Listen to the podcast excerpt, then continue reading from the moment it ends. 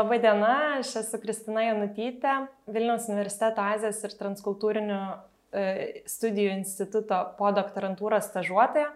Ir šiandien aš skaitysiu paskaitą Buriatų budizmas šiandien - religija, etniškumas ir identitetas Rusijos paribyje. Taigi prieš pradėdama noriu tik tai pažymėti, kad tyrimai, apie kuriuos šiandien šnekėsiu, yra projekto miesto religija ir etniškumas daugia etninėje, posocialistinėje Ulan Udėje dalis. Ir šis projektas yra finansuotas iš e, Europos socialinio fondo lėšų pagal dotacijos sutartį su Lietuvos mokslo taryba. Taigi, šiandien iš tiesų turėsiu, nors aš kalbėsiu, e, mano pagrindinė tema yra buriatų budizmas šiandien, e, taip pat ir karo Ukrainoje kontekste. Tačiau pradėsime iš toli Visų pirma, norėsiu pasakyti porą žodžių apie e, savo prieigą prie šių tyrimų, tai yra aš esu socialinė antropologė, šiek tiek apie mano metodologiją ir discipliną. Toliau pateiksiu šiek tiek konteksto apie pačią Buriatiją, tai dažnam klausytojai galbūt net nebus girdėtas šitas kraštas. Ir, ir taip pat apie Buriatus kaip etninę grupę. Bei šiek tiek vėlgi pradėsime iš toli nuo buriatų budizmo istorijos ir taip prieisime prie šiandienos. Taigi porą žodžių apie socialinę antropologiją, kurią aš atstovauju, tai yra mano disciplina. Mūsų tyrimai, galbūt toks pagrindinis išskirtinis bruožas yra toks ilgalaikis etnografinis lauko tyrimas, kurį mes atliekame. Tai yra mes gyvename dažniausiai bent jau vienerius metus iš eilės dažnai vienerius metus. E, ir taip pat dar ilgą laiką sugrįžtame į tą vietą, į tą bendruomenę, kurią tyrinėjame. Ir aš e, taip pat vykdžiau ilgalaikį etnografinį lauko tyrimą Buriatijoje, Ulan Udės mieste. E, jį pirmą kartą vykdžiau 2015-2016 metais, ten gyvenau 12 mėnesių tyrinėdama vietinį budizmą ir jo praktikas. E, tai antropologija kaip disciplina domisi ir tyrinėja žmonių bendruomenėmis, visuomenėmis. Ir ką mes per tokį ilgalaikį lauko tyrimą, e, na, suprantame ar, ar, ar ką mes tenkiamės suprasti, tai yra būtent tos vidinės perspektyvos e, bendruomenėje, tai yra kaip žmonės patys patiria, mato, supranta tam tikrus, e, na, savo gyvenimo aplinkybės, savo praktikas, tai vėlgi tyrinėdami, tarkime, e, budizmą, tai mes, mes žiūrėsime, ką jis reiškia tiems žmonėms, kaip jie patys apie tai kalba, kaip jie tai praktikuoja. Mes ne tik tai klausome, įmame interviu, bet taip pat mes ir dalyvaujame su jais, e, tarkime, religiniuose ritualuose. Todėl antropologija dažniausiai šiek tiek, na, kitokią perspektyvą į, į tam tikras temas e, pateikia ir būtent mes tai vadiname eminę ar vidinę bendruomenės perspektyvą. Ir kaip vienas iš to etnografinio lauko tyrimo pradininkų, e, Bronislavas Malinovskis, tai pateikia antropologijos tikslas yra suprasti vietinių žmonių požiūrio kampą, jų santykį su gyvenimu ir, ir jų pasaulio viziją suprasti. Tai ką mes per tokius tyrimus pamatome, paliečiame, tai yra tai, kad negalima tiesiog tyrinėti kažkokios temos atskirai nuo kitų. Ar ne, jeigu mes tyrime religinį ritualą, arba mano doktorantūros tema buvo davimo praktikos budistinės, aukojimo praktikos, tai mes negalime tik tai jų tyrinėti, ar ne, nes jos yra susijusios ir su politinė sfera, ir su ekonominė sfera. Todėl mes matome šį platų kontekstą, taip pat ir sąsajas tarp šių skirtingų sferų. Ir taip pat mes matome visuomenės ir kultūras kaip besikeičiančias. Tai net, netgi jeigu žmonės kažką tai vadina ilgametę tradiciją ar, ar kažkokiu tai jaučia, kad kažkas yra jų netgi, tarkime, prigimties dalis, tai vis dėlto e, šie dalykai taip pat kinta su laiku, jie yra e, permastomi, e, yra ir inovacijų, e, netgi ir tame, kas laikoma tradicijomis. Todėl mes taip pat e, kreipiame dėmesį į, šią e, kultūrinę kaitą. E, ir mes vėlgi dar vienas toks svarbus antropologijos momentas yra, kad mes matome tuos kultūrinius skirtumus kaip įtakotus E, žmonių tam tikro socialinio, ekonominio, politinio, istorinio konteksto. Tai yra vėlgi um, tokioj kasdieniai kalboje, galima sakyti, žmonės dažnai sako, kad kažkas yra, na, iš prigimties žmonių, tarkim, jie elgesi vienaip ar kitaip, yra, yra žiaurūs, ar, ar yra ten kažkokie pamaldus, ar panašiai dėl to, kad, kad čia jų genuose užkoduota, ar kad kultūra yra užkoduota jų genuose. Antropologai vis dėlto žiūri į tą e, socialinį ir istorinį kontekstą kaip formuojantį žmonės. Ir e, čia, čia gal šiek tiek užbėgsiu netgi už akių ir, ir mm, pasakysiu, kad kai kurie buriatų lamos ar budizmo specialistai, tie, kurie dabar, tarkime, yra opozicinio, opozicinės pakraipos, kurie nepritarė karui Ukrainoje, tai jie, e, kiek esu su jais kalbėjus, irgi dažnai sako, kad pagalvokite, juk mes praeituose gyvenimuose taip pat galėjom būti ukrainiečiai, o dabar esam buriatai, o gal kitam gyvenime būsim lietuviai ar panašiai. Tai, tai ta, ta pati netgi tautybė jiems yra tokia, na, nėra duotybė, ar ne, e, labai ilgoje toje budistinėje perspektyvoje. Tai kažkiek, aišku, e, antropologai nesilaiko karmos teorijos, tačiau mes taip pat labai daug dėmesio skiriame šiam ilgalaikiam, ilgalaikiai perspektyvai. Taigi taip pat ir, ir su religija, tokia kategorija antropologijos, religijų antropologija, mes taip pat klausime, kokiągi rolę turi religija kasdienėme gyvenime, kaip tar, tos religinės praktikos susijusios su kitomis gyvenimo sferomis, kokią rolę religija turi socialiniuose santykiuose ir, ir kitose sferose gyvenimo ir kaip būtent žmonės savo kasdienėme gyvenime supranta ir praktikuoja religiją.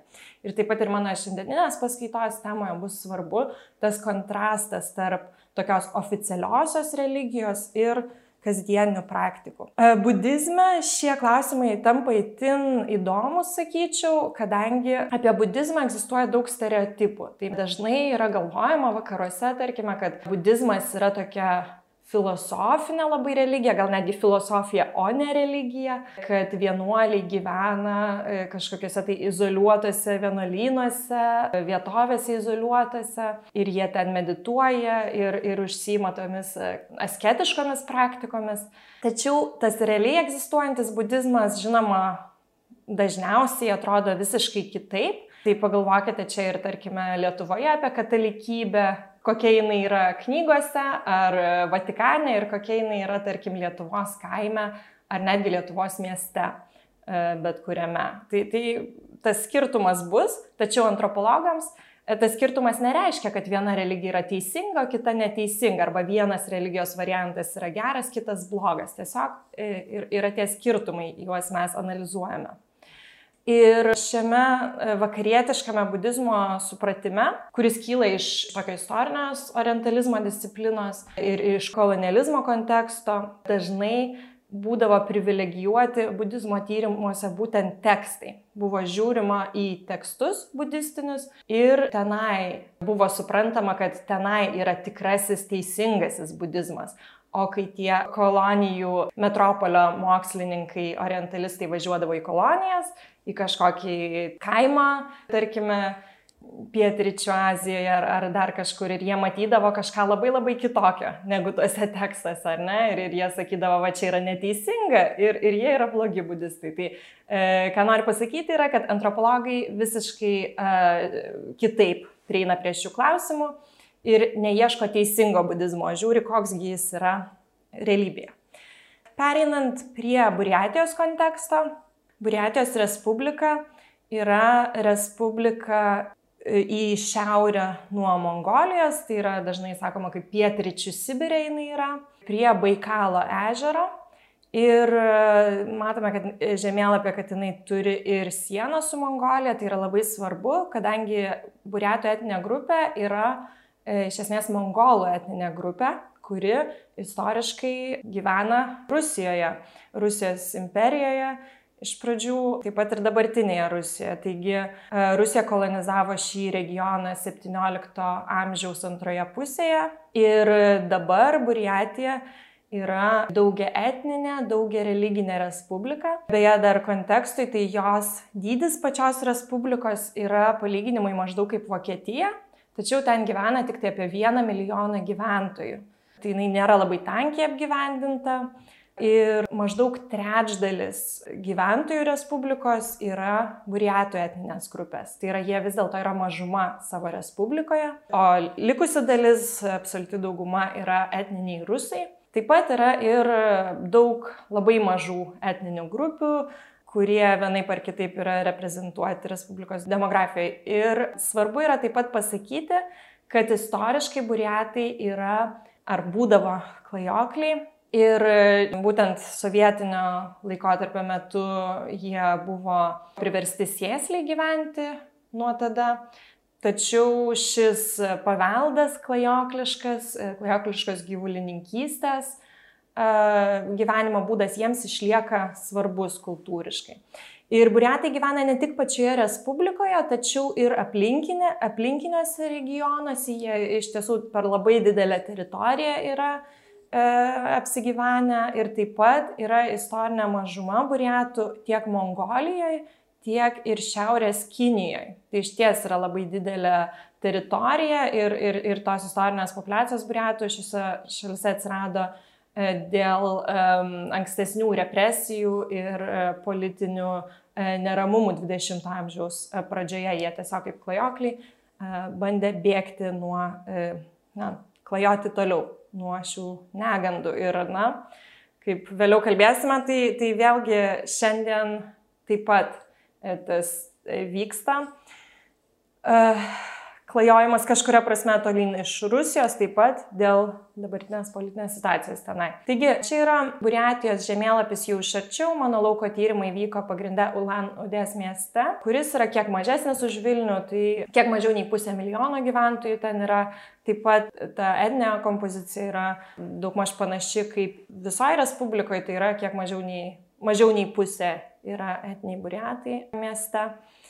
Einant prie religijų, Tai dar pasakysiu, žinoma, kaip ir daugetinė, taip ir daugia religinė šita respublika yra ir e, religinis identitetas pagrinde e, asocijuojasi su tautybė. Tai yra rusai pagrinde e, identifikuojasi kaip stačiatikiai, o buriatai kaip budistai. Tačiau iš tiesų religinė praktika yra žymiai lankstesnė.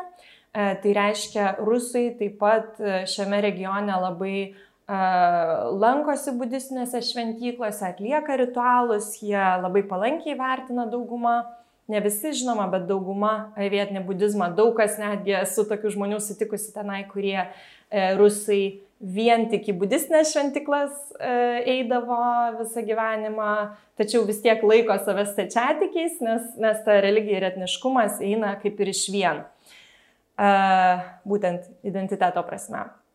Na, o taip pat be šių dviejų pagrindinių religijų e, labai paplitęs regione ir šamanizmas.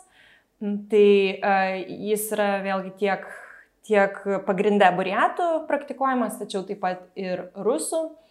Ir um, vietinis budizmas ypač yra labai susijęs su šamanizmu, tai yra uh, tos, tos praktikos yra, na, šioks toks religinis sinkretizmas yra e, tenai pastebimas. Kaip ir e, beje daugumoje kitų budizmo formų. Taigi, kalbant apie budizmą, šiame žemėlapyje matome paplitimą skirtingų budizmo krypčių. Ir čia Buriatijos regionas yra va, ta oranžinė spalva pažymėtas, tai yra Vadžrajanas budizmo pakraipa, kuris, na, liaudiškai dažnai vadinamas tiesiog Tibeto budizmu. Ši budizmo kryptis plito iš Tibeto per Mongoliją, taip pat ir į Rusijos dabartinės teritoriją, taip pat Vadžrajanos budizmas yra praktikuojamas ir Tuvoje, kaiminėje su Buriatija. Ir, kaip matote, toli į vakarus nutolusioje Kalmukijoje kuri dažnai vadinama vienintelė budistinė šalimi ar regionu Europoje. Tačiau vėlgi šiek tiek daugiau apie tai kalbėsiu vėliau, e, bet šitie ryšiai buriatų budizmo su Tibetu, jie yra kontroversiški. Tai vietiniai e, religiniai lyderiai e, pastaraisiais metais labai,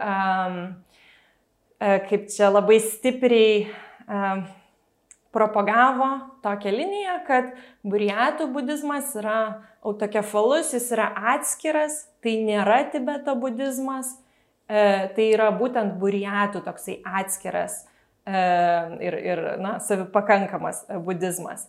Tai kiek vėliau apie tai e, pasakosiu daugiau, tačiau istoriškai vėlgi kažkur nuo 17 amžiaus e, plito būtent per Mongoliją e, ši budizmo pakraipa. Ir Vadžajanas e, viena iš mokyklų yra, ar viena iš krypčių yra Geluk kryptis, kurios lyderis yra e, Dalai Lama.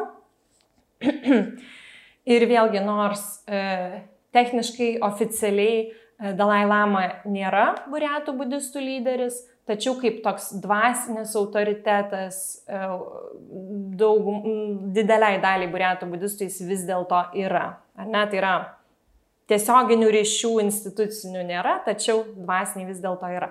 Na ir kažkaip taip atrodė buriatų klajoklių gyvenimas, istorinė fotografija iš XIX amžiaus ir kažkaip maždaug taip, kaip šioje iliustracijoje, atrodė jų klajokliškos šventyklos.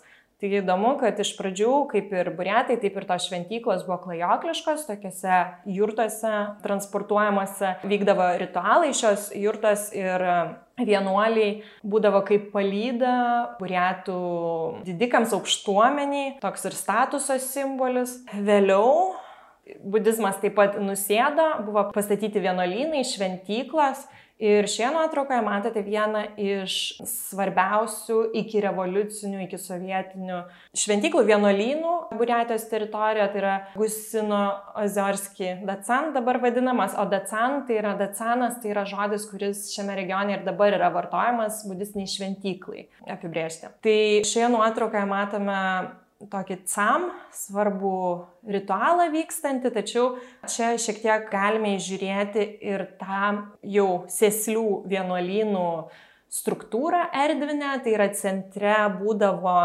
keletas šventyklų, būtent tų skirtingų, tada aplink, už, dažnai už tvoros jau gyvendavo vienuoliai, tai būdavo vienuolių namai ir e, galbūt ir jurtos.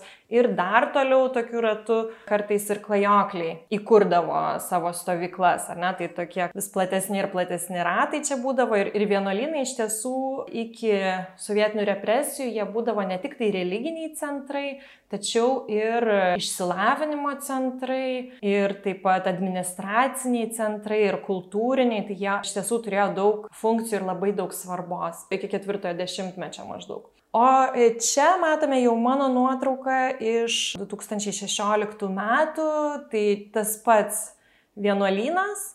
Dabar jau, taip griežtai kalbant, net nebevadinami turbūt vienuolynais buriatų dacanai, kadangi pačių vienuolių buriatijoje yra labai nedaug. Vienuolystė vienas iš tų apibrėžiančių dalykų, tai yra būtent celibatas, E, gyvenimas vienuolyno teritorijoje, taip pat ir kitų priesaikų budistinių laikymasis, o dauguma lamų, taip budistiniai šventikai dabar yra vadinami Buriatijoje, dauguma lamų turi šeimas, turi vaikus ir gyvena už Dacanų ribų. Tai yra galima galbūt netgi sakyti, kad jie į Dacaną važiuoja kaip į darbą.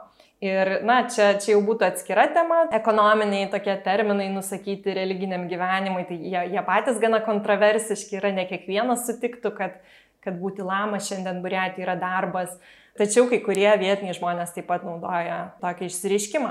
Tai religijos rolė šiandieninėje Buriatijoje yra visiškai kitokia negu prieš evoliucinę. Tačiau ir turbūt ir vizualiai matosi, čia aplinkui šitą šventyklą yra tuščia nebėra tų gyvenviečių, nebėra tų vienuolių taip pat ten gyvenančių ir vėlgi iki revoliuciniais laikais ar 20 amžiaus pradžioj tokiam vienuolynė galėjo būti šimtai vienuolių ir 500, tarkime, pastoviai gyvenančių ir, ir dirbančių ar, ar egzistuojančių vienuolių.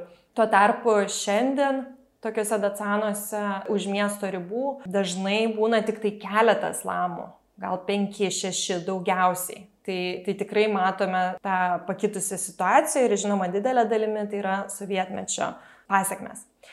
Taigi, burėtų budizmas, tokį galima sakyti tiesioginį santykį su Rusija, su tuometinė Rusija, turi nuo 18 amžiaus pirmos pusės, kai buvo įtvirtinta ta dabartinė Rusijos Kinijos siena. Tai iki tol tas religinis gyvenimas buvo toksai mobilus, tie lamos vienuoliai, jie galėdavo per visą šitą gigantišką regioną važinėti ir, tarkime, rinkti aukas ar kažkaip tai aptarnauti tuos vietinius gyventojus, tačiau nuo būtent kekto sutarties 18 amžiaus pirmoji pusėje tai pradėjo keistis, kadangi ta siena buvo uždaryta. Ir nuo to laiko iš tiesų iki pat šiandieninės Rusijos galime išskirti tokias, na, religinės politikos jų atžvilgių tendencijas. Taip išskyriau tris tokius pagrindinius aspektus. Pirmas yra atskirti buriatų budistus nuo užsienio įtakos, ar tai būtų Tibetas, Kinija, Mongolija, tai ir tuos šiandieninius pasarųjų dešimtmečių posovietinio laikotarpio teiginius, kad, kad tai yra buriatų budizmas, jisai atskiras, jisai ne Tibeto budizmas. Ir šituos religinių lyderių teiginius reikia matyti šiame kontekste jau kelių šimtmečių. Taigi šitas atskirimas pasireiškia skirtingose formose, tai yra su religinė edukacija susiję ir su taip pat ir didelė dalimi su finansiniais klausimais. Tai yra e, imperija norėjo taip pat ir e, apriboti tuos užsienio lamas, vienuolius, kad, e, kad jie nerinktų paramos iš vietinių gyventojų, o būtent aukojimas yra ir viena iš pagrindinių budizmo praktikų, ypač pasauliečiams, Tai ne kokia meditacija ar vegetariška mytyba, kaip daug kas galbūt galvotų,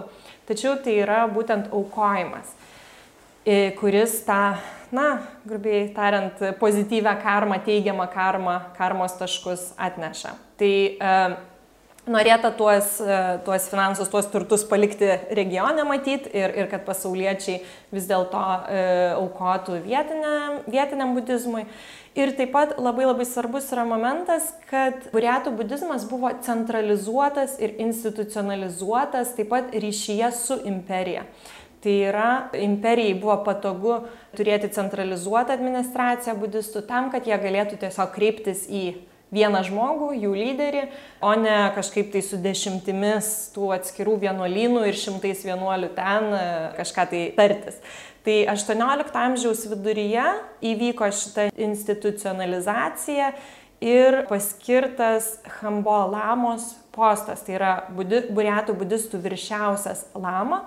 Ir priešingai nei Dalai lama Tibete, Hambo lama yra išrenkamas lyderis, tai yra tokio susirinkimo vienuolių išrenkamas ir jis yra tiek religinis, tiek administracinis lyderis. Tai pirmas toksai Hambolama buvo Dambadar Zajajev e, šiame paveiksliuke nupieštas ir jisai buvo kilęs iš Buriatijos, tačiau mokėsi Tibeto vienuolynę ir vėliau po maždaug dviejų dešimtmečių mokslų tenai jisai sugrįžo į Buriatiją, tuomet keliavo į Peterburgą susitikti su imperatore ir tokioje abipusėje sąveikoje jisai tapo buriatų budistų lyderiu. Ir buriatų budizmo istorikas Nikolais Rempilovas būtent tai ir pabrėžia, kad e, buriatų budistų ir imperijos ta sąveika, jinai buvo dvipusė. Jinai nebuvo tik tai imperijos veikimas, Tačiau tai buvo dvipusė sąveika. Tuo aš tai geriau paaiškinsiu. Tai žodžiu, valstybė siekia centralizuoti budistus, o savo ruoštų budistai kooperavo su imperijos atstovus, taip pat ir kažką savo pasiekdami tame procese. Tai imperijos siekis buvo kontroliuoti budistus ir tuo pačiu religija ir etniškumas iš tiesų ėjo iš vien. Tai Rusijos imperija valdė dažnai ir kategorizavo žmonės pagal religiją, o ne tautybę. Todėl per budizmą buvo taip pat ir mažumų politika vykdoma, kas dabar būtų suprantama kaip mažumų politika. Imperija bandė juos padaryti įskaitomais, jeigu tokiais teoriniais terminais kalbėti, ar kitaip tariant, lengviau valdomais ir įdėti juos į savo suprantamas ir gerai valdomas kategorijas. Taip pat, ir čia galbūt bus netikėtas toksai aspektas, tai imperija taip pat naudojo burė buriatus budistus tarptautinėje politikoje ir diplomatijoje. Tai buriatai budistai buvo ir šnipai kai kurie Rusijos imperijos, būtent Tibete ypač, taip pat ir diplomatai. Pavyzdžiui, sovietmečiu buriatai budistai, kurių buvo labai nedaug ir jie buvo griežtai kontroliuojami, tačiau jie buvo kaip ir rodomi, demonstruojami kaip tokios neva tai egzistuojančios religinės laisvės Sovietų sąjungoje išaiška, kas akivaizdžiai buvo propaganda. Tai buvo organizuojami tokie Azijos budistų susirinkimai, kuriuose taip pat būdavo ir buriato atstovai būtent kaip toksai, na, taip, pasirodymas, e, propaganda. Tai vienas labai įdomus iš tiesų veikėjas, daug apie jį nekalbėsiu, bet tikrai verta pasidomėti šio veikėjo, tai Agvanas Doržievas. Jisai buvo labai aukšto rango lama, kuris taip pat kilęs iš Buriatijos ir mokėsi Tibete, vienuolyne, buvo vienuolių Tibete. Jisai buvo 13 Dalai Lamos patarėjas labai artimas, tačiau tuo pačiu jisai buvo ir Rusijos imperijos atstovas Tibete. Tuo metu vyko tas didysis žaidimas dėl, dėl šio regiono viso e, vidinės Azijos. Tai tiek Britų imperija turėjo interesą šiame regione, tiek ir Rusijos imperija. Ir tie buriatų budistai ir, ir būtent Agvanas Doržievas taip pat tuo laikotarpiu iš tiesų buvo svarbus veikėjas būtent kaip Rusijos atstovas, kadangi Tibete Dalai Lama taip pat ir politinis lyderis buvo tiek pat, kiek ir religinis. Todėl tas budizmas ir, ir politika buriatų ir Rusijos imperijos interesai čia e, persidengia. O kogi norėjo budistai šiame santykėje su imperija, tai kaip rašo Cirempilovas, jie laikė tokią valstybės rolę natūralią ir būtiną. Tai yra daug iš tiesų veiklų parašyta skirtingose Azijos regionuose apie labai glaudų santyki budizmo su valstybe. Taip pat e, buriatai budistai ieškojo tvirto pagrindo savo santykė su valdačiomis galiomis, tai yra jie norėjo ir kažką savo išsikovoti ir būti reprezentuoti šioje imperijoje. Jie siekia teisių ir pripažinimo šioje didelėje valstybėje, kurios labai maža dalimi jie buvo.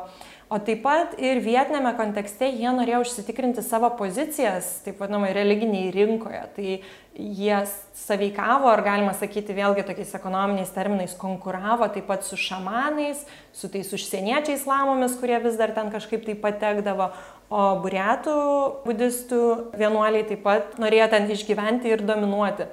Todėl šis imperijos, na, sinergija su imperija, su politinėmis galiomis suteikia jiems e, galimybę tą daryti.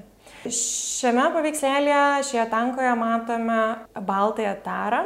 Tai yra, vėlgi, galbūt nedaugam bus žinoma, tačiau buriatai budistai, kai jie įėjo į šitą santykį su imperija ir kai atsirado Hambolamos tas postas, tai jie tuo pačiu ir davė savo sakykime, dovana kažkuria prasme imperijai ir jie paskelbė, kad Rusijos imperatorius ar imperatorė tuo metu yra budistinės dievybės apraiška. Tai Jekaterina II buvo Baltosios taros apraiška, kitaip tariant, viena iš jos pusių yra, kad jinai ne tik imperatorė, bet ir budistinė dievybė iš budistų, buriatų budistų požiūrio taško. Tai skamba turbūt keistai, tačiau budizme tai yra gana įprasta praktika. Tai nereiškia, kad, kad būtent jai meldėsi ar ją kažkaip tai religiškai garbino e, buriatai budistai, tačiau, na, atlikdami ritualus baltai tarai, vis dėlto jie, jie pripažindavo, kad e, imperatorė buvo jos apraiška. Ir e, reikia pasakyti, kad ir po sovietinėme budizme ši tradicija buvo atgaivinta kažkuria prasme. Tai kai Rusijos prezidentas buvo e, Medvedevas ir jisai lankėsi Buriatijoje ir susitiko su Buriatų budistų lyderiais, jie priminė šitą tradiciją ir jie sako, na, jeigu imperatorius, imperatorė būdavo e, baltoji tara, tai ir dabartinis Rusijos prezidentas taip pat yra baltosios taros apraiška. E, ir, ir nuo to laiko, na, ši, šis teiginys buvo taip ganėtinai pasigautas ir spaudos, ir, ir akademiniam pasauliu tokia sensacija ir, ir, ir kažkas tai tokio labai egzotiško. E, tačiau vėlgi to tiesiogiai nereikėtų priimti, tikrai nėra taip, kad buriatai melstusi Putinui ar, ar jį ten garbintų religiniuose kontekstuose, tai greičiau parodo tą tokią sinergiją, vėlgi dvipusę tarp valstybės ir budizmo Rusijoje. Tai yra e, viena vertus, buriatai budistai tapo pavaldus politiniams galioms. Kita vertus, jie taip pat, na, kažkokia prasme e, aproprijavo Rusijos valdžią, sakydami, gerai, Buriatai dabar yra Rusijos, bet Rusija dabar yra Buriatijos ir Rusija dabar yra e, taip pat budistinio pasaulio dalis. Todėl imperatorius ar prezidentas taip pat yra mūsų, jis yra mūsų e, na, dievybės apraiška, ar ne? Tai čia toksai dvipusis galios santykis tame matomas. Tačiau vėlgi, kalbant apie šiandieninę situaciją, e, noriu vis dėlto pabrėžti, kad nereikia to priimti už tokį gryną pinigą. Tikrai dauguma burėtų budistų e, vėlgi negarbina prezidento religiškai ir taip pat e, šis teiginys burėtų budistų lyderių, kad prezidentas yra dievybės apraiška, jisai toksai vis dėlto, na, ne visai rimtai priimamas dažniausiai yra. Tai toksai auksinis amžius burėtų budizmo istorikų laikomas trečiasis dešimtmetis 20-ojo amžiaus, tai yra jau sovietinio laikotarpio pradžia. Ir kadangi tai yra imperijos periferija ir ta religinė politika nebuvo iš karto taip suformuoluota ir implementuota, tai, tai tas trečiasis dešimtmetis buvo toksai ieškojimų ir bandymų periodas, kai budizmas augo. Ir tuo pat metu Žinoma, budistai matė ir suprato, kad laukia sudėtingas laikotarpis ir todėl jie taip pat bandė saveikauti su šita ateistinė imperija Sovietų sąjunga ir jie netgi bandė pateikti budizmą kaip galbūt komunistinę religiją, ieškodami panašumų tarp budizmo ir komunizmo, kurių žinoma galima kažkiek tai surasti, Ir netgi tas pats Agvanas Doržyjevas rašė laiškus į politinį centrą ir netgi bandė teikti, kad tarkim galbūt Leninas yra kažkokia tai inkarnacija ar kažkaip tai susijęs su Buda istoriniu. Bet aišku, visos šios pastangos netnešė vaisių, prasidėjo tragiškos religinės represijos, beveik visi vienuolynai buvo nugriauti. Tai dėl to, va, tas Gusinazorski Dacan, kurį aš rodžiau nuotrauką, jis yra vienas iš tik tai keleto išlikusių istorinių vienuolynų, na, pastatų pačių. Visi vienuoliai, visi šventikai buvo arba priversti pereiti į pasaulietišką gyvenimą, arba jie e, netgi buvo ir persekiojami, sodinami į kalėjimus, e, siunčiami į e, gulagus. Ir žinoma, pasiekmes buvo absoliučiai tragiškos.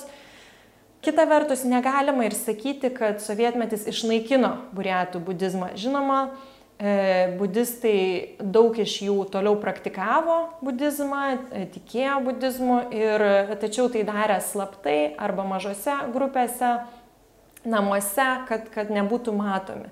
Ir galbūt ir nelabai plačiai žinomas faktas yra, kad vis dėlto tai ketvirtojo dešimtmečio pabaigoje ar viduryje jau visos šventyklos buvo uždarytos, visi dacanai buvo uždaryti, tačiau du dacanai buvo atidaryti po antrojo pasaulinio karo, tai yra dar Stalino laikotarpio. Vienas iš jų yra e, istorinis Aginsko dacanas, vėlgi vienas iš tų keletą išsilaikiusių pastatų, o kitas buvo naujai pastatytas netoli nuo sostinės Ulanudė, Ivolginski e, dacan, kuris yra dabar laikomas Buriatijos budizmo tokia sostinė, o kartais ir visos Rusijos budizmo. Tačiau jis yra būtent šių metų penktojo dešimtmečio vidurio dacanas. Ir žinoma, sovietmečių šie dacanai buvo labai griežtai reguliuojami, juose buvo labai nedaug šventikų, vienuolių, labai daug žmonių ten iš viso nesilankė, nes tiesiog bijojo pasiekmių religinės praktikos. Todėl, na ir aišku, jie buvo labai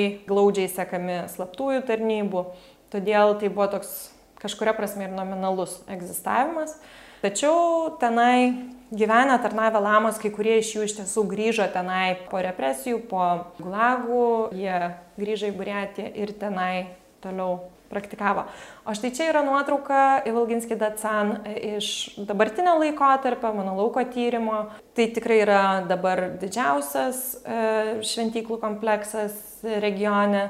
Ir čia matome jo pagrindinę šventyklą tuo laikotarpiu, dabar, dabar dar nauja didelė yra pastatyta. Ir ten važiuoja ir turistai iš skirtingų regionų, ar, na, važiuodavo, kai Rusija būdavo atvira. Daug mongolų taip pat ten važiuodavo. Ir tai yra labai svarbus regione budistinis centras. Tačiau nemažiau svarbus yra ir mažiau matomi budistiniai centrai, šventyklos dabartinėme mieste.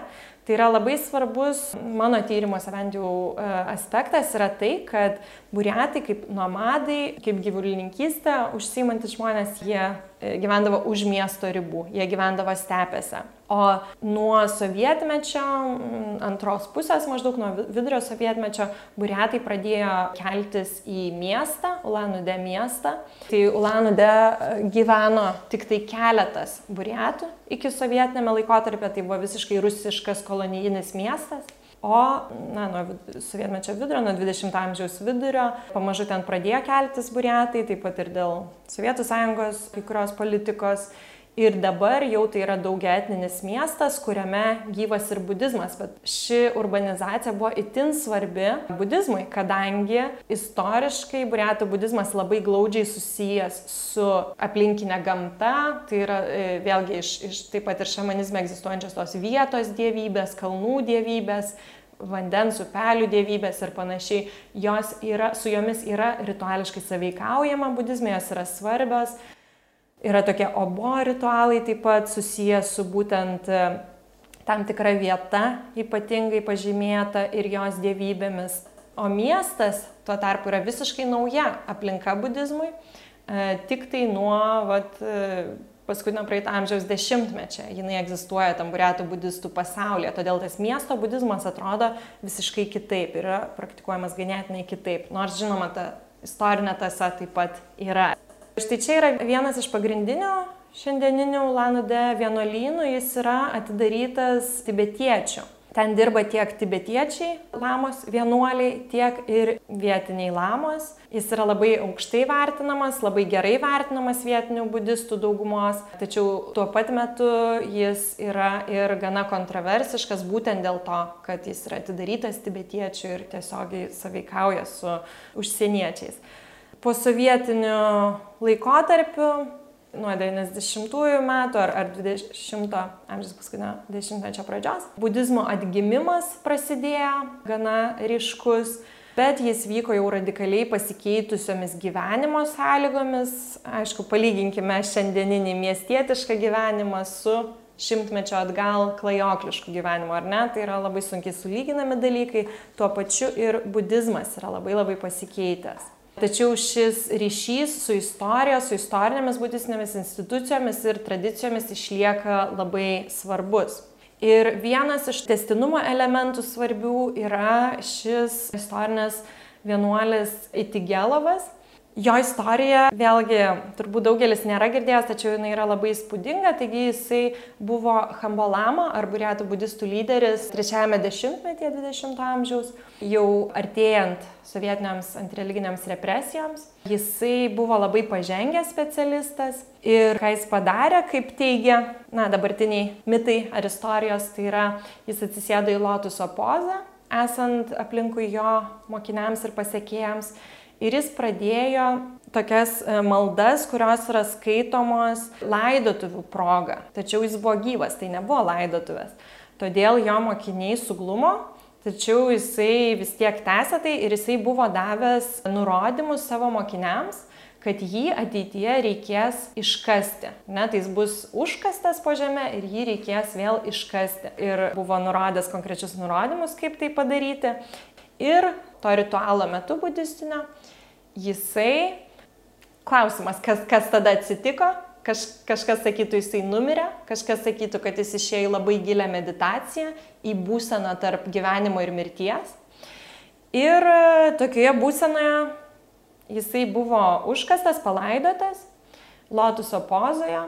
Ir vėliau 2002 metais, tai yra po beveik 80 metų, jisai buvo iškastas pagal tuos duotus nurodymus. Ir kažkas vėlgi sakytų, kad jis galbūt atrodo panašiai kaip mumija, tačiau buriatų budistai teigia, kad jisai nebuvo mumifikuotas, kad jis tiesiog ir jie netgi teigia, kad jisai nėra miręs. Jie teigia, kad jisai yra tarp gyvenimo ir mirties, tokia būtent ypatingoje būsenoje, į kurią jis galėjo nueiti būtent per savo, na, pažengusią budistinę praktiką. Ir buvo surinkta tam tikra mokslininkų komisija ištirti jo būseną, bet žinoma, to negalima vadinti kažkokiu tai rimtų mokslų, mokslinių straipsnių apie tai aš neradau. Na, būtent tokių biologinių ar žvelgiančių į jo tą fizinę būseną. Tai, tai buvo kažkokia sąveika mokslo ir religijos, pavadinkime taip. Tačiau svarbiausia yra, ką jis reiškia ir vietiniams budistams ir kaip jie jį supranta. Tai jie jį supranta kaip vėlgi va, tą testinumą E, istorinio budizmo su šiandiena kad jisai, na, išgyveno kažkuria prasme visą tą sovietinį laikotarpį ir kad jis dabar sugrįžo kaip ženklas, kaip pagalba po sovietinėme laikotarpė budizmo atgimimui. Tai jis yra laikomas tokia šventenybė ir vėlgi reikia pasakyti, kad tai nėra unikalus atvejis, tai yra tokia budizmo praktika tantrinė, e, tokios meditacijos ir yra tokių panašių, sakykime, e, na, būtent savo budizmo praktikų dėka, išėjusių į vat, kažkokią tai tokią stadiją, galbūt ne, nesutruninčių kūnų, e, jų, jų egzistuoja Tibeto budizmo pasaulyje keletas. Tai ta prasme, tai yra standartinė ar, ar pripažinta budistinė praktika. Tačiau žinoma, Itigelavas tuo pačiu yra ir labai ryškiai vietinis fenomenas, padėjęs tam vietiniam buriato budizmo atgimimui. Jisai turi nuo, tų, e, nuo šio amžiaus pradžios, tiksliai nepasakysiu metų, turi savo šventyklą į Volgenskį Dacan teritoriją prie Ulanudė. Ten jį galima pamatyti, tačiau labiau kaip piligrimams, neturistiniais tikslais.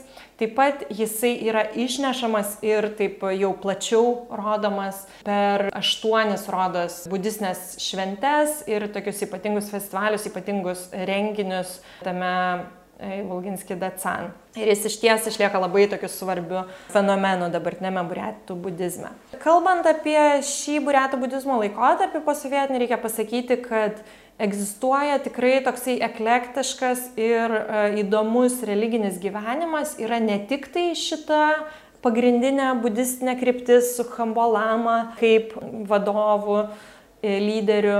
Tačiau egzistuoja ir daug kitų budistinių organizacijų ir krypčių. Tai vėlgi čia aš labiau kalbu apie laikotarpį iki karo, iki COVID. Dabar situacija galbūt jau kiek pasikeitusi, tačiau egzistavo ir tarptautinės organizacijos, taip pat ir kitų budizmo krypčių, ne tik tai iš tos geluk pakraipos, pasaulietiškos organizacijos ir jau lamų organizacijos, tai yra tikrai tokia religinė įvairovė, netgi yra vienas moterų dacanas, kur praktikuoja ir, ir pasauliečius priima moterys lamos, kas iš tiesų yra, na, toks vėlgi gana kontroversiškas momentas vietinėme budizme, ne visų tai yra teigiamai vertinama Buriatijoje.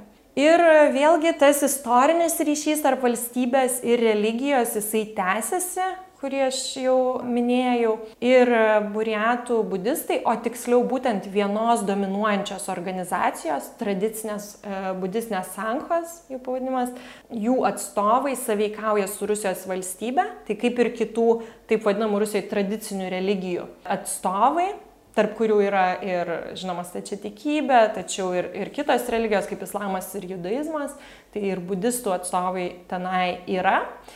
Jie tenai sprendžia tam tikrus su religija susijusius klausimus Rusijoje, tokius kaip galbūt religinės šventės ar, ar kažkokios tai religijų teisės Rusijoje. Tačiau, žinoma, tai reiškia ir labai tokį artimą bendradarbiavimą su Kremliaus atstovais, su, na, tokia sinergija vėlgi kaip ir istoriškai. Ir kaip tai reiškiasi, na, vieną dalyką aš jau papasakau, tą prezidento laikymą kažkuria prasme gyvybės apraišką. Čia matome dabartinį Hambolamą, dabartinį tradicinės Buriatų Sankos lyderį Hambolamą Išėvą, kuris taip pat e, nevengia viešai reikšti savo politinių nuomonių. Na ir tos nuomonės, aišku, yra palankios dabartiniai Rusijos valdžiai. Per ritualus, kaip ir čia nuotrauką matome, per vieną ritualą jisai irgi pareiškia savo nuomonės, tarkim, jeigu artėja kažkokie tai rinkimai, kad ir vietiniai jis irgi pasakys, už ką reikia balsuoti, už ką nereikia, koks politikas ką padarė, teisingai ar neteisingai, Putinas taip pat nekarta yra lankęsis Buriatijoje ir Valginskį Dacan ir konsultavęsis, ar, ar turės tokią audienciją ir su Itigelovu, kurį minėjau. Ir žinoma, su Aiševu jie taip pat glaudžiai bendradarbiauja. Aiševo socialiniuose tinkluose ir tradicinės sankos socialiniuose tinkluose matoma ta glaudi sąveika tarp Rusijos valdžios ir budistinių lyderių. Ne? Tai Posovietinėme budizme vėlgi yra ta abipusė sąveika tarp valstybės ir religijos, taip pat matomas kaip ir istoriškai, taip ir dabar, nors šiek tiek pakitas tas ryšys glaudus tarp religijos ir etniškumo. Ir dar noriu šiek tiek pakomentuoti, kągi ta parama valstybė ar sinergija su, su dabartinė Rusijos valdžia reiškia buriatų budistams. Tai šiame santykėje, jau būtent dabartinėme ar posovietinėme tarp religijos ir valstybės, ką svarbu yra suprasti, yra tai, kad taip, yra ta abipusė sąveika, burėtų budistai ar šitą lyderiaujantį organizaciją, jinai demonstratyviai palaiko dabartinę Rusijos valdžią. Tačiau reikia klausti ir kodėl taip yra. Tai yra ir dėl šito istorinio santykio, kurį aš jau nupasakau. Tačiau Tai yra ir todėl, kad buriatai ir budistai yra labai maža mažuma šiandieninėje Rusijoje, jie turi labai ribotas teisės ir per šią sinergiją jie sugeba šį bei tą, ar sugebėdavo, vėlgi kalbu apie ankstesnį šiek tiek periodą, savo šį bei tą išsikovoti ir gauti tą, kas galbūt yra svarbu vietinėme ligmenyje. Tai keletas tokių projektų, kuriuos verta paminėti, tai yra jų pastangos labai svarios, sakyčiau, iš tiesų. Buriatų kalbos išsaugojimui, tai buriatai turi savo kalbą, kuri yra labai artimai gimininga su mongolų kalba, žinoma. Ir dėl rusifikacijos politikos sovietmečių, o taip pat ir po sovietinių laikotarpių, ypač intensyvi e, rusifikacija vyko jau Putino laikotarpiu. Buriatų kalbos žinios, labai labai sparčiai smunka, tai yra, dabar tiksliai statistikos nepasakysiu, bet, na, galbūt vienas iš penkių buriatų gerai susikalba buriatų kalba. Galbūt vienas iš keturių, bet ypač mieste rusų kalba absoliučiai dominuoja, yra kaimų, kuriuose buriatiškai dar yra daugiau kalbama, tačiau būtent Putino periodu yra labai smarki buriatų kalbos praradimo tendencija. 2000 rodo 17 metais taip pat e, dar buvo labai svarbus žingsnis rusifikacijos link žengtas, kai tos vietinės kalbos, Rusijoje mažumų kalbos, jos buvo nužemintos iki fakultatyvinio ligmens mokykloje, tai nebėra privalomas, e, privaloma pamoka. Ir dabar, žinoma, yra labai sunku išmokti vaikams na ir tuo labiau suaugusiems buriatų kalbos. Tai e, tradicinė sanka ir buriatų budistai yra vieni iš tokių svariausių na, kovotojų už tą buriatų kalbą. Jie rengia įvairius e, konkursus ir, ir įvairius, e, na, kelia prestižą įvairiais būdais buriatų kalbos, koncentruojasi į e, vaikų e, mokymą. Taip pat jie įsteigė tokį irgi daug metų įvairių žmonių bandyta e, pasiekti dalyką, tai yra buriatų kalba radio stoti, kas yra didelis pasiekimas irgi. Tai šita, tai yra tokia, būtent tokia veikla ir yra didelė dalimi įgalinta šitos oficialiosios pusės, to glaudaus santykio su Rusijos valdžia. Ne? Tada jie užmerkia akį ar valdžia užmerkia akį į tokias vietinės e, veiklas. Kitas svarbus projektas e, vykdytas yra tradicinės gyvulininkystės atgimimas, kur šita tradicinė sanka, šita dominuojanti organizacija budistų, jinai turi tokią schemą, įdomią, gana sudėtingą, negaliu daug apie tai kalbėti dabar dėl laiko apribojimų, bet tiesiog jie dalina avis. Ir būtent tokias avis, kurios yra tos vietinės šitos, šito regiono avis, kurios sovietmečių buvo beveik pakeistos beveik pilnai e, kažkam kitom veislėm, tai jie atgaivino tą vietinės veislės, na, paplitimą ir jie dalina tas avis, kad žmonės grįžtų į kaimą ar kad palaikytų tą tradicinę gyvulininkystę kaimuose Buriatijos. Ir tai irgi yra ganėtinai sėkmingas projektas, kuris vėlgi tas vietinės ekonominės veiklos nėra taip jau labai palaikomos Rusijos valdžios, ar ne? Tai vėlgi šitą jie galėjo dėl būtent šito saveikavimo abipusio. Viena vertus, lyderiaujančios budistinės organizacijos ryšys su šiomis politinėmis galiomis, jisai turi tas gilias istorinės šaknis, kita vertus, Sakyčiau, kad religija vis dėlto turi tokios subversijos ir tas veiksnumas ar, ar galimybė kažką tai savo pasiekti, buriatų budistų taip pat jinai vis dėlto egzistuoja, kad ir kiek jinai yra prispausta kaip mažumos imperijoje. Taip pat vėlgi šita įtaka buriatų budistų lyderystės, kuri, kuri dabar yra palanki valstybei, jinai turi potencialą būti ir kažkuo kitu, kadangi kultūra keičiasi, religija keičiasi, visuomenė keičiasi, ar ne? Tai šitas aukštas toksai autoritetas budizmo gali turėti, na, turėti nenuspėjamų kažkada tai pasiekmių. Daug iš to, ką aš šiandien kalbėjau, yra tokia oficialioji budizmo pusė, ar ne? Tai yra ta sinergija su valstybė, su politinėmis galiomis, tas toks oficialusis budizmas. E, tačiau man atrodo, kad yra labai svarbu e, žvelgti ir į kasdieninį lygmenį, kaip buriatai budistai iš tiesų e, praktikuoja budizmą, ką jis jiems reiškia. Kaip ir minėjau, tarkim, vėlgi, jeigu žiūrime į tą prezidentą kaip budistinę dievybę, tai praktiškai neegzistuoja tame kasdieninėme lygmenyje. Tai nėra svarbu e, paprastoje toje kasdieninėje religinėje praktikoje. Ne? Tai kągi daro tie buriatų budistai, pasauliečiai, jų budizmas e, didelė dalimi dažniausiai yra apsilankimas dacanuose, maldų ar taip vadinamų huralų, kuriatiškai užsakymas, tai yra jie užrašo savo vardus, kad per tam tikrą ritualą, tarkime, sveikatai ar e, laimiai ar kažkokiam kitiem dalykam pasiekti, kad jų vardai būtų perskaitomi ir, tuo, e, ir, ir, ir, ir daro aukojimą tai šventyklai, kad užsitikrinti tą savo galbūt sėkmę ar sveikatą ar gauti tos teigiamos karmos. Taip pat labai svarbi praktika, kuri yra, sakyčiau, nematoma tokiam vieš, viešose tose reprezentacijose, tai yra individualios konsultacijos su budistiniais šventikais, su lamomis. Tai yra žmonės individualiai eina pas šventikus ir sprendžia savo problemas, tarkim, jiem kažkas nesiseka, jie ieško darbo, jie e, nori išvykti į kelionę, jiem gimsta vaikas ir visais šitais klausimais e, žmonės dažnai konsultuojasi su lamomis, tai yra jie vykdo būrimus, būrimus tarkime, kada yra tinkamas laikas kelioniai arba kaip pavadinti naujagimi vaiką, nes tas vardas budizme turi atitikti to vaiko, to naujo žmogaus kažkokias tai savybės. Labai didelį tokį spektrą klausimų budistai lamos e, padeda žmonėms spręsti tiek ritualiniais būdais, tiek ir per patarimus, pagalbą, palaikymą. Ir ką aš savo tyrimuose mačiau, tai yra, kad e, labai daug čia priklauso, nėra tokio vieno budizmo, kad visi tie lamos kažkaip vienaip tas problemas spręstų ir į tuos klausimus atsakytų. Jų asmeninė patirtis, jų pažiūros, jų mintis, jų, jų kažkokie išgyvenimai ir žinios asmeniai taip pat įeina į šitas konsultacijas. Ir tas Vėlgi, žinoma, dabar yra svarbu ir karo Ukrainoje kontekste, nes e, tai yra viena iš tų e, didžiausių aktualijų šiandien, ar ne? Tai, tarkim, žmonės irgi eina ten, jeigu jų a, sunus, vyras a, išvažiavo kariauti į Ukrainą ir taip pat vykdomi ir mirties, e, na, laidotuvių ritualai šitų lamų ir taip pat lamos ir konsultuoja tokiais klausimais, kaip, kaip išvengti mobilizacijos, ar ne?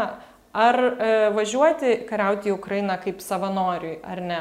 Tai e, kai budizmas turi tokią svarbę rolę žmonių gyvenimuose, tai netgi ir tokiais klausimais e, žmonės kreipiasi į lamas, prašo jų patarimo, e, ritualinio palaikymo ir būrimo ir taip toliau. E, ir, ir čia vėlgi tie atsakymai ir nukreipimai bus labai skirtingi. Kiek aš žinau iš buriatų budistų dabar, e, jau po karo pradžios, su kuriais kalbėjau, tai vėlgi kai kurie lamos palaiko e, karą, kai kurie ne. Ir e, kai kurie netgi patarinėja, kaip išvengti mobilizacijos, tarkime, pasislėpti miške ar išvykti į užsienį ir, ir panašiai. O, o kiti yra ir, ir pačių lamų, kurie vyksta kariauti į e, Ukrainą. E, taigi tas, e, ta tokia kas, kasdieninėme lygmenyje religija, jinai gali būti, ar jinai yra visai kitokia nei oficiali religija ir e, kaip e, socialinių mokslo atstovams, kaip antropologams, mums yra labai svarbu žvelgti į e, žvelgti giliau nei tas reprezentacinis lygmuo, apie kurį aš nemažai pasakau šiandien, kuris atrodo gana egzotiškas, keistas, kad prezidentas yra dievybė ir panašiai. Tačiau žvelgiant giliau mes matome ir tokį e, kažkiek ir galbūt netgi opozicinį potencialą šiuose sąveikose, žmonės šiuose konsultacijose, netgi ir mano tyrimų metu, dar iki karo pradžios, ar iki 2022 metų karo pradžios jie e, irgi konsultavosi su lamomis taip pat ir dėl, tarkim, labai prastos ekonominės padėties regione, bedarbystės ir, ir kitų vietinių problemų. Ir tai būdavo ir kritiški valdžiai dažnai pastebėjimai išryškiami šiuose tokiuose intimiuose konsultacijose privačiose. Tai šiems dalykams suprasti, aš ar kažkaip tai įprasminti juos, aš naudoju tokį religinio intimumo, tokį konceptą teorinį, antropologas Michaelas Hertzfeldas jį siūlo. Tai yra, kad e, per tokius, na, nukrypimus nuo normos religijos, nukrypimus nuo šitos oficialios religijos, žmonės kuria tokį bendrystės jausmą ir, ir jisai irgi turi potencialą tiek politinį, tiek socialinį, per kurį vyksta šita kultūrinė ir socialinė kaita.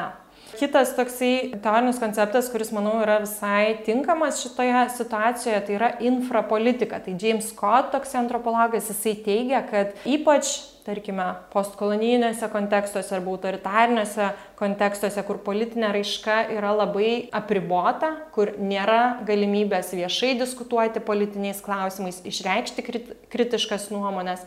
Tokiuose kontekstuose reikia žiūrėti į kitokias politinės raiškos formas ir politinių klausimų formas. Tai aš manyčiau, kad tos kasdienės budistinės, buriatų budistinės praktikos ir, pavyzdžiui, tos konsultacijos, kurias aš minėjau, į jas taip pat galima žvelgti kaip į tokią socia socialinę ir politinę kritiką kažkuria prasme, būtent vietinėmis formomis.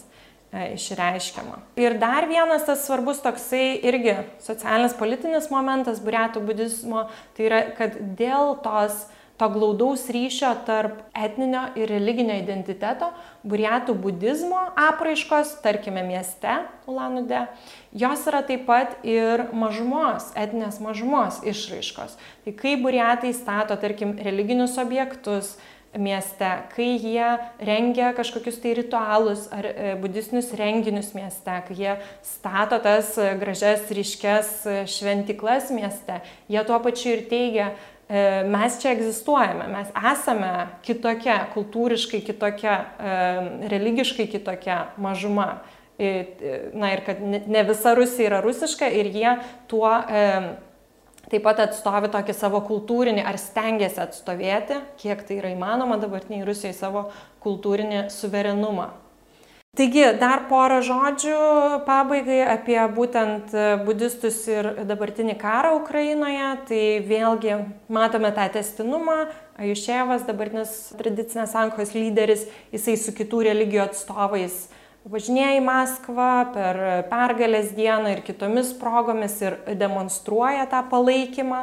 Prasidėjus karui Ukrainoje, na, vasario 24 dieną, tiksliau praėjus maždaug savaitį po to, jisai taip pat tokį viešą paskelbė teiginį, kas mokat rusiškai, galbūt patys čia paskaitysite skaidrėje, kas nemoka, tai aš trumpai perteiksiu, kad jisai maždaug sakė, kad mes, budistai, ir mes norime palaikyti taiką ir ramybę, bet mes gyvename Rusijoje ir todėl mes turime apsaugoti savo šalies interesus, prieš kurią yra vykdoma kaip jisai teigia, purvinas informacinis karas prieš Rusiją yra vykdomas, todėl mes norime palaikyti savo brolius ir sūnus, kurie kariauja Ukrainoje ir mes norime, kad jiem gerai sektųsi ir, ir norime jiem tvirtą užnugarį suteikti.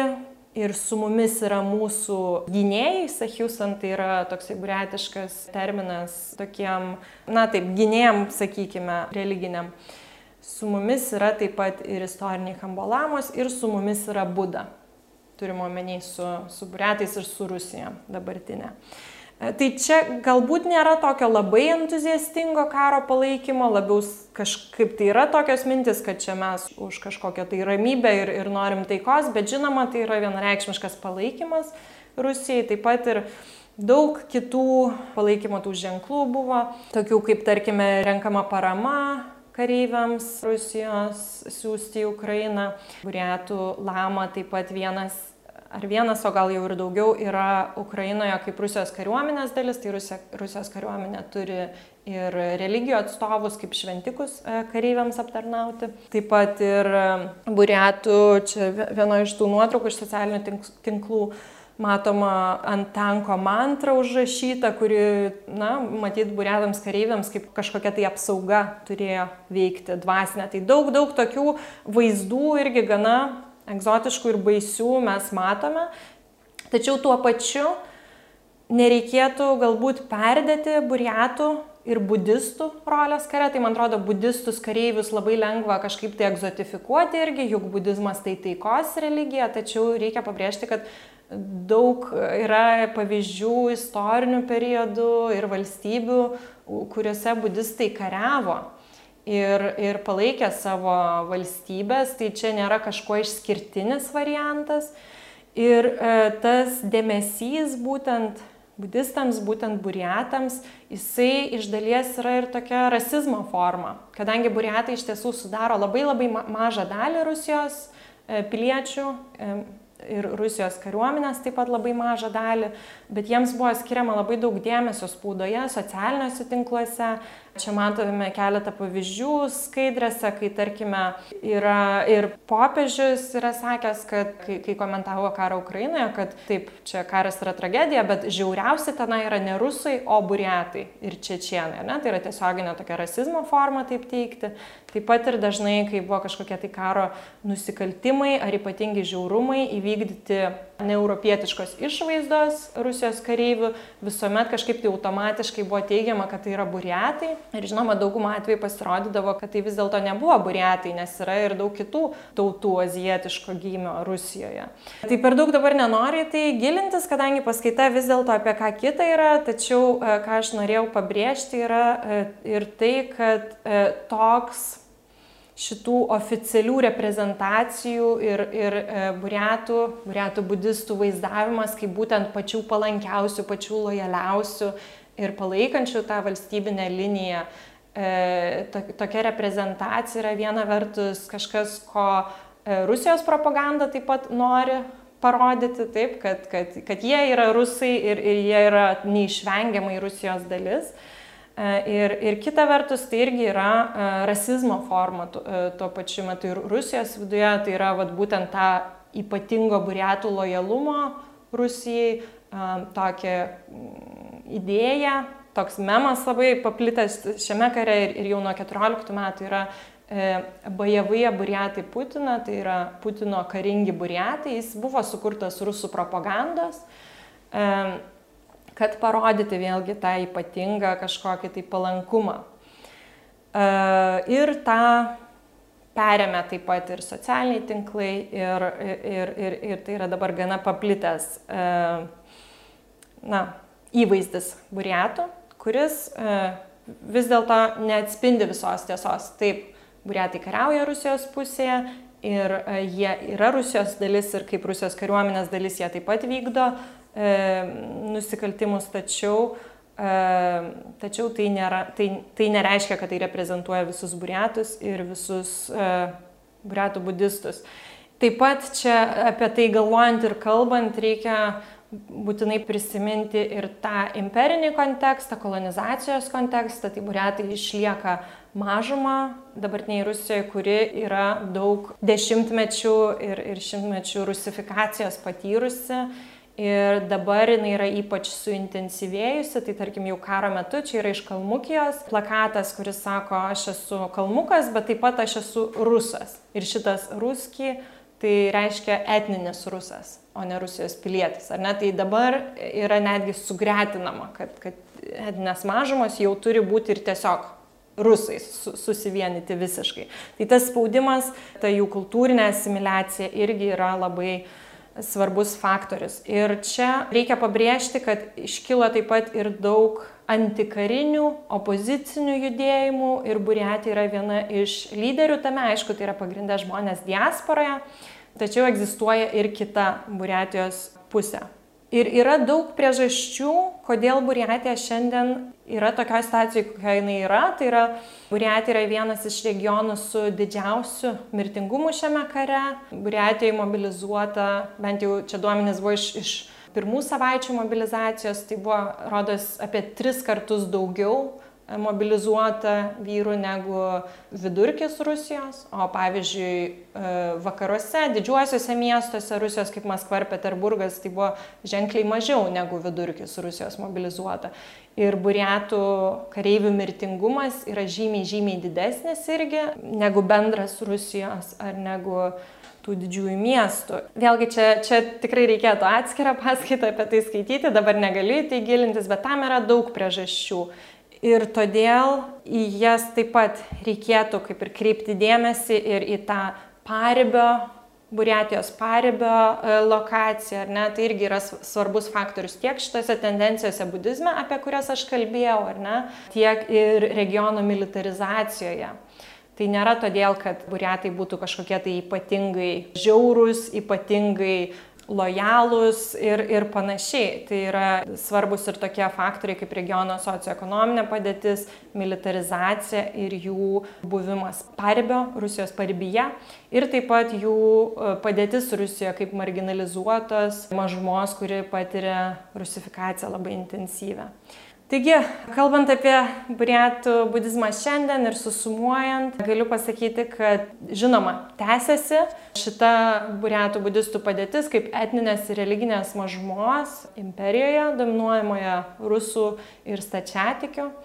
Ir labai noriu pabrėžti, kad ta oficiali komunikacija ir tos nuotrupos apie tą sinergiją su valstybė ir, tuos dalykus, kuriuos ir burėtų budistų palaikymą karo ir panašiai, tai, ką mes girdime, tai nėra visas buriatų budizmas, jis turi ir kitas pusės. Ir budizmas išlieka svarbia tokio mažiau formalaus socialinio ir kultūrinio gyvenimo forma. Ir taip pat reikia ir nepamiršti dabartinio Rusijos režimo kaip labai svariai varžančio religinių ir etninių mažumų teisės ir padėtį.